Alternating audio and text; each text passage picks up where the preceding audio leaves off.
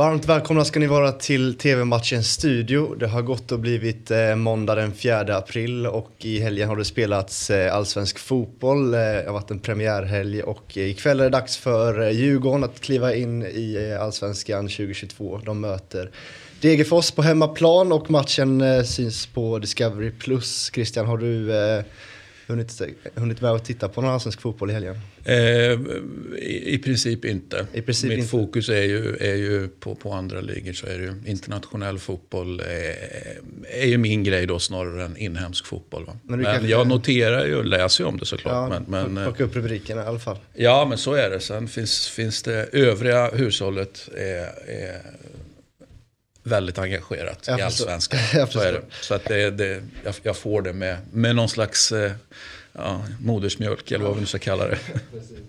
Det är i alla fall dags för eh, DIF-derbyt, Djurgården mot eh, Degerfors och eh, en man som står i eh, huvudrollen ikväll, eller kommer göra det, är ju såklart Viktor Edvardsen som eh, har gått från Degerfors till Djurgården inför den här säsongen och eh, gjorde hela 14 mål om jag inte minns fel förra säsongen för Degerfors i ett eh, lag som till slut lyckades hålla sig kvar men eh, nu ska han spela för ett av de topptippade lagen. Eh, hur tror du han hanterar pressen en sån här kväll?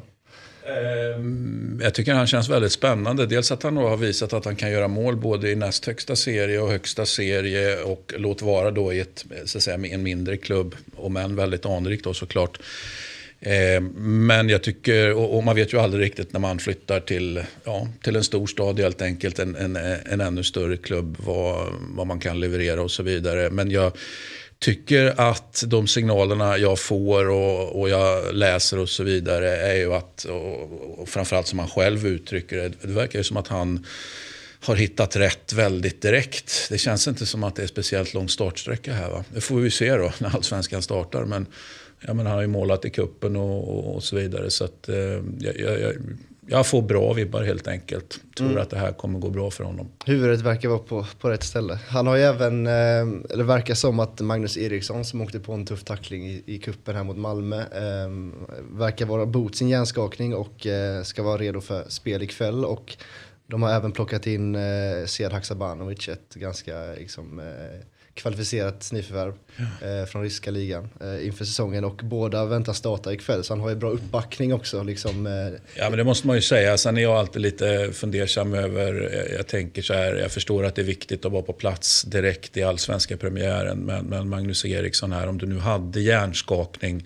jag hoppas då vid gud att du har gjort alla de här trapporna och så vidare. Så att du inte liksom stressar tillbaka och får en Ja, så att det blir någon slags backlash då. Va? Men eh, vi får väl se. De är, vi utgår ifrån att eh, dels att han är, är klok, det är han ju som fotbollsspelare om inte annat. Men att medicinska staben, tränarstaben i Djurgården faktiskt är kloka här och inte liksom forcera någonting som inte ska forceras.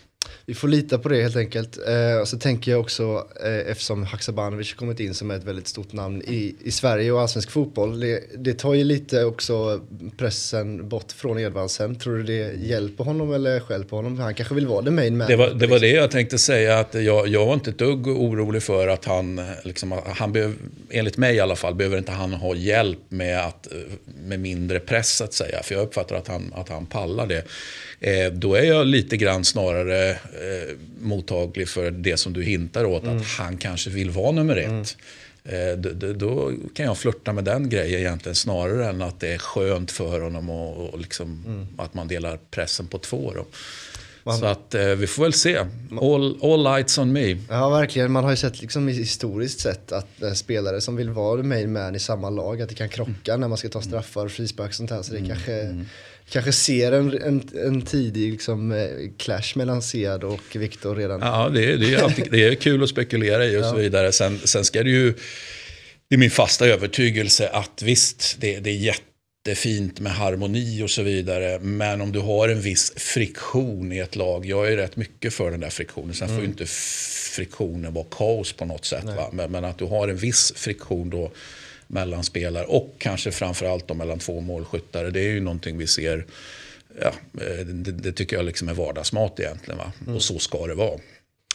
Eh, Djurgården förlorade sitt genrep mot eh, finska FC Honka med 2-0. Degerfors, Degerfors däremot vann mot Örebro, sin, eh, sin stora antagonist, med 5-0. Hur stort värde lägger man i genrep? Eh, inget alls, eh, förutom att eh, dåligt genrep är bra. Liksom. Det är egentligen min take. Att, att se bra ut i träningsmatcher är helt... Eh, det får inte se hur dåligt ut som helst. Då, men om du olika grader av bra tycker jag är i princip helt meningslöst att dra några slutsatser. Så jag tycker vi lämnar dem därhän. Förutom att det såklart är är trevligt att vinna med 5-0 mm. mot just det motståndet också. Ja, för, för eh, Degerfors. Det lär säkert vara en stor kick och boost för deras självförtroende. Matchen ser ni i alla fall eh, ikväll 19.00 eh, på Discovery+. Plus. Vi ska röra oss mot Italien. Mm. Det var ju en stor match där igår kväll, söndag, mellan Juventus Inter. Och Inter lyckades vinna matchen till slut och tog tre viktiga poäng i den här eh, vad heter det, jakten på eh, Scudetton. Eh, Milan har ju dock chans att eh, gå ifrån lite ikväll ytterligare. Just mm. nu står de på 66 poäng, Inter har 63. Eh, Milan ska möta Bologna. Eh, hur stor press tror du de känner? Ja, eh, tillåt mig lägga till också då att vi hade ju en seger för Napoli också. Napoli också så att, eh, apropå de den här topp, toppstriden då. Absolut. Nej men det är ju såklart, nu, det, det vill ju till att hålla, hålla farten här nu för mm Milan och Milanlägret verkar ju må väldigt bra och skickar ut signaler som, som känns trovärdiga i att man faktiskt mår bra, att man ser slutet och det är bara si och så många matcher kvar.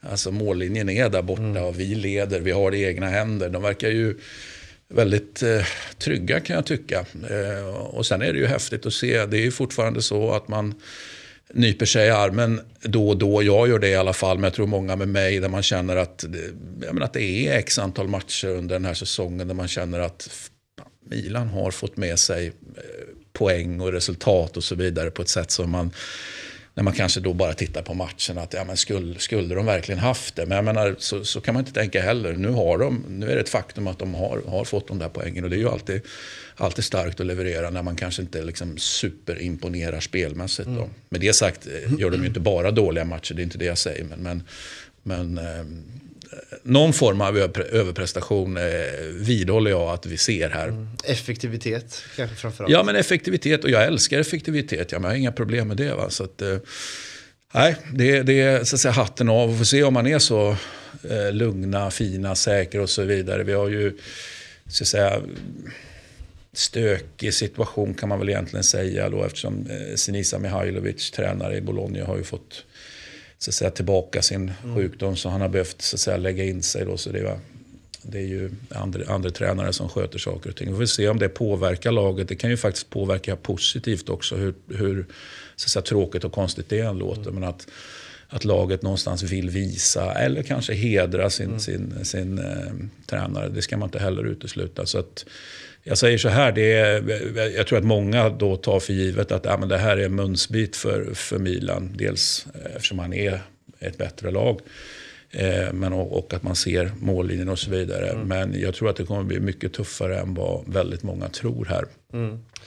Eh, jag som inte följer Serie A så eh, lika mycket som du gör. Eh, men jag har ju ändå mina aningar liksom, om eh, topp 4 där uppe just nu. Och eh, min känsla är att, att Pioli går lite eh, under radarn av de om man jämför med de andra fyra eller tre tränarna i toppen. Mm. liksom, det snackas mycket om Inzaghi och Spalletti i, i Napoli.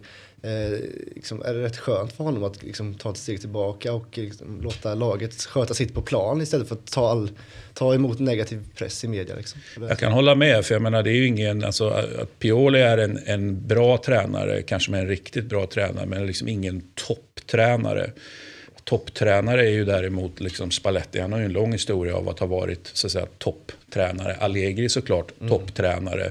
Även om en del tycker att han då har dippat, vilket han absolut har. Men han är ju fortfarande en topptränare. Eh, och sen har vi ju en Sagir som skulle visa om han var en topptränare eller inte. Men lik förbannat tar han ju över eh, alltså regerande mästaren. Det betyder ju någonstans att du ska vara topptränare. Mm. Så att jag kan hålla med om att pressen på de andra tre, eh, alltså bara rent tränarmässigt uppfattar jag som som eh, ja, men klart hårdare och, och, och, jag håller med då att Pioli har kunnat gå under radarn. Mm. Men, men eh, håller på så här liksom, så är han ju på, på radarn, på radarn, på radarn. Ja, alltså det, så är det ju. Eh, sista punkten jag skrivit i den här matchen är bara Zlatan? Frågetecken. Vart har vi honom nu när det liksom ska börja avgöras? Ja, hans närvaro och eh, så att säga, påhejande när han inte spelar är ju nog så viktigt. Och stämma i bäck på träningar och allt möjligt. Alltså, även om han kanske inte deltar och har ont och känning och inte kan ha 90 minuter så hans närvaro är ju väldigt viktig. Va? Men jag, jag tror inte att han är han vill väl alltid spela såklart, men jag uppfattar att han på ålderns höst då tar det lite lugnare. Och det har ju funkat väldigt bra när han inte har spelat. Mm. Om man då ur ett svenskt perspektiv kan tycka, och kanske ett Milan-perspektiv, oh shit, Zlatan kan inte spela, vad ska mm. vi göra då? Mm. Eh, då har ju det faktiskt rullat på väldigt, väldigt fint. Så att man har ju med andra ord värvat klokt då. Det måste man ju så att säga eh, ge dem. Så är det. Eh, vi får se om han startar eller inte och om det funkar eller inte för Milan eller om Bologna kan eh, hitta på någonting här och eh, sätta lite käppar i hjulen för Milan i toppen av tabellen. Ni ser matchen i alla fall på Simor ikväll 20.35. Det var allt för oss eh, härifrån eh, TV-matchens studio. Vi ses imorgon igen.